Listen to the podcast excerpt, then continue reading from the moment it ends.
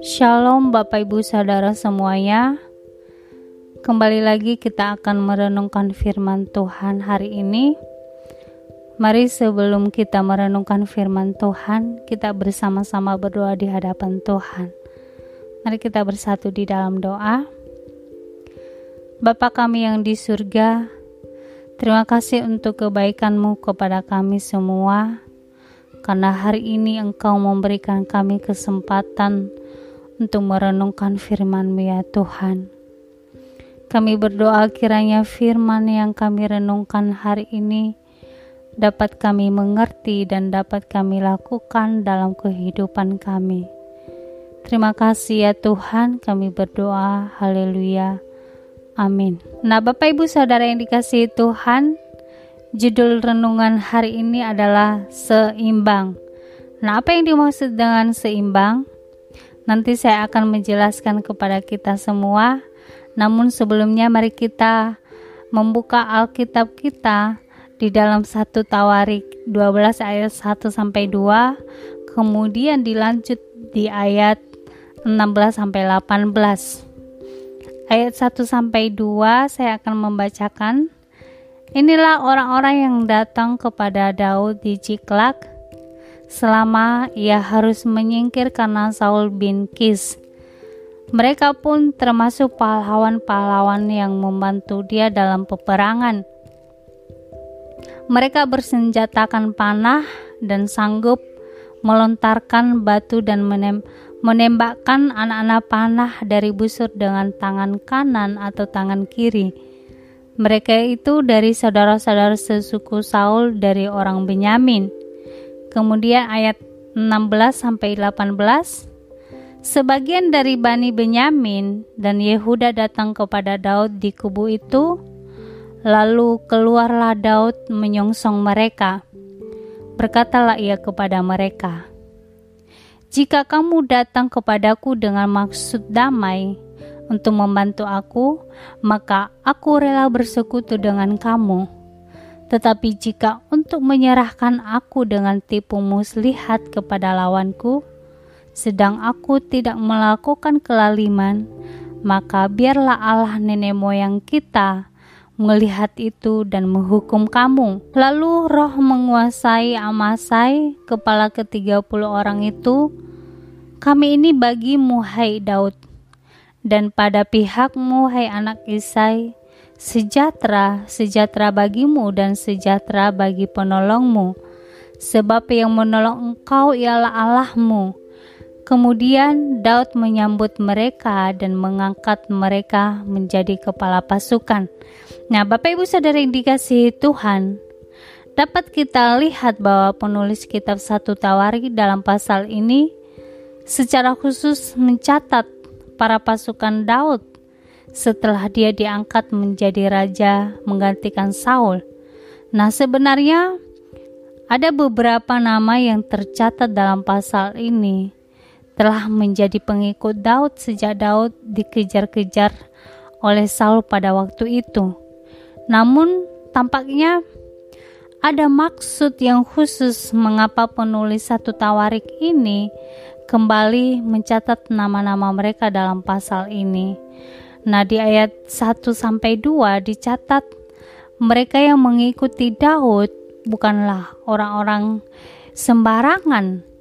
Mereka adalah orang-orang yang terampil dalam peperangan. Dikatakan di dalam ayat 2 mengat demikian, mereka bersenjatakan panah dan sanggup melontarkan batu dan menembakkan anak-anak panah dari busur dengan tangan kanan atau tangan kiri. Mereka itu dari saudara-saudara sesuku Saul dari orang Benyamin. Nah, menariknya di sini Bapak Ibu, di dalam ayat 2 ini dapat kita lihat bahwa para pengikut Daud adalah saudara sesuku Saul, yaitu dari suku Benyamin. Bahkan dalam ayat ke-16 juga disebutkan bahwa di antara mereka yang menjadi pengikut Daud terdapat orang-orang dari suku Benyamin, yaitu suku Saul sendiri. Nah, pertanyaannya adalah mengapa mereka mau mengikut Daud? Padahal saudara sesuku mereka yaitu Saul yang sangat membenci Daud. Ada dua hal yang dapat kita renungkan dari bagian ini Bapak Ibu. Mari kita melihat mengapa mereka, alasan mereka mengapa mau mengikut Daud. Yang pertama, mengapa mereka mengikut Daud? Karena Daud memiliki karakter yang baik dan berani. Nah, karakter merupakan hal pertama yang dapat menjadi alasan mengapa orang-orang mau mengikuti Daud. Di dalam Alkitab, Daud dicatat sebagai orang yang sangat berani menghadapi tantangan. Ia tidak takut dengan apa pun selain takut kepada Tuhan. Keberanian Daud yang paling terkenal ialah keberaniannya untuk maju melawan Goliat. Pada saat itu, semua orang termasuk Saul tidak berani maju menghadapi Goliat yang telah mengejek umat Tuhan. Tetapi Alkitab mencatat bahwa Daud yang masih muda waktu itu berani maju dan akhirnya mengalahkan Goliat. Tentu tindakan berani Daud dan kehebatannya mengalahkan Goliat membuat banyak orang kagum kepadanya. Kemudian bukan hanya keberaniannya yang membuat orang-orang kagum dan ke bersedia mengikuti Daud, karakter Daud yang baik juga menjadi bagian terpenting yang dicatat oleh Alkitab. Karakter yang baik itu terlihat ketika Daud tidak mau membunuh Saul ketika ia punya kesempatan. Nah, Alkitab mencatat dalam kitab Samuel bahwa ada beberapa kali sebenarnya Daud punya kesempatan untuk membunuh Saul, tetapi Daud tidak mau melakukannya. Padahal Saul adalah orang yang telah berbuat jahat kepada Daud. Saul berulang kali mencoba untuk membunuh Daud. Seharusnya Daud membunuh Saul ketika ada kesempatan agar Daud tidak perlu lagi bersembunyi dari Saul. Dan Alkitab mencatat bahwa Daud tidak berbuat jahat kepada Saul dan tidak membalas kejahatan dengan kejahatan. Sungguh karakter yang baik dan patut diteladani Bapak Ibu. Karakter inilah yang eh, kemudian menjadi penilaian bagi banyak orang sehingga setiap suku mendukung Daud pada waktu ia menjadi raja. Kemudian alasan yang kedua kenapa mereka mau mengikut Daud karena Daud dipilih dan diurapi oleh Tuhan.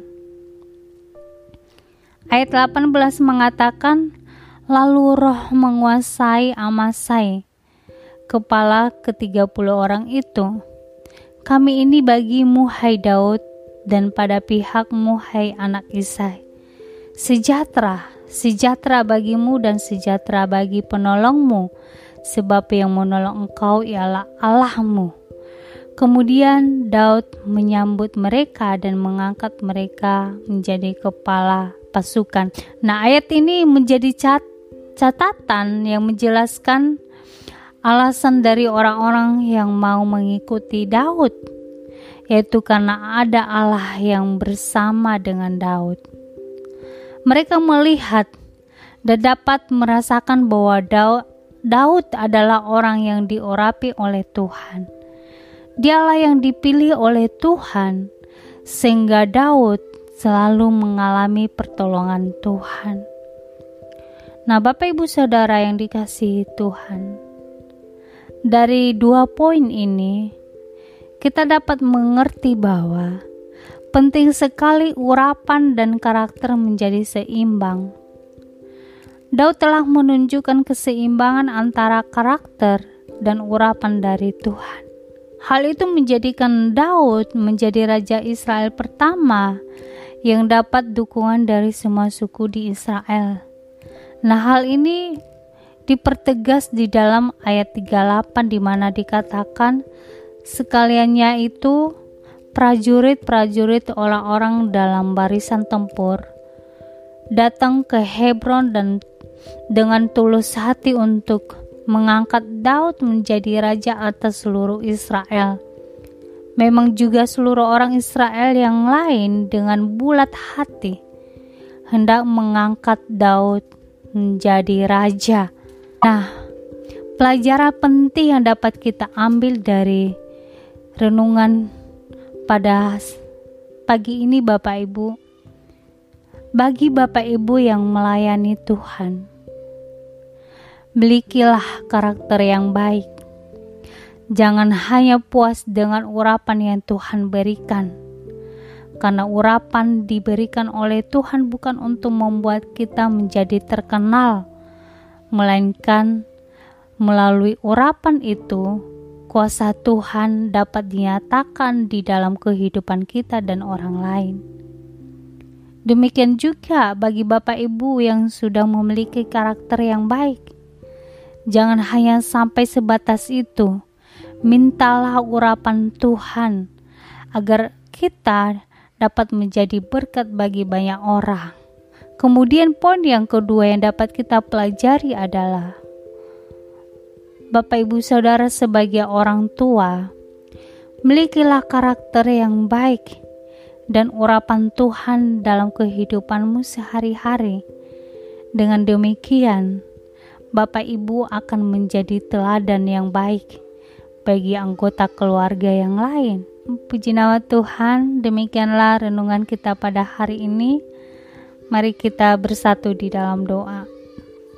Bapak yang baik, terima kasih untuk kebenaran firman-Mu pada hari ini. Kami belajar dari hambamu Daud ya Tuhan, di mana sebagai orang percaya kami perlu menjadi seimbang dalam karakter dan urapan yang Engkau berikan, supaya melalui urapan dan karakter kami, orang-orang dapat melihat kemuliaan-Mu, dan kami menjadi berkat bagi mereka.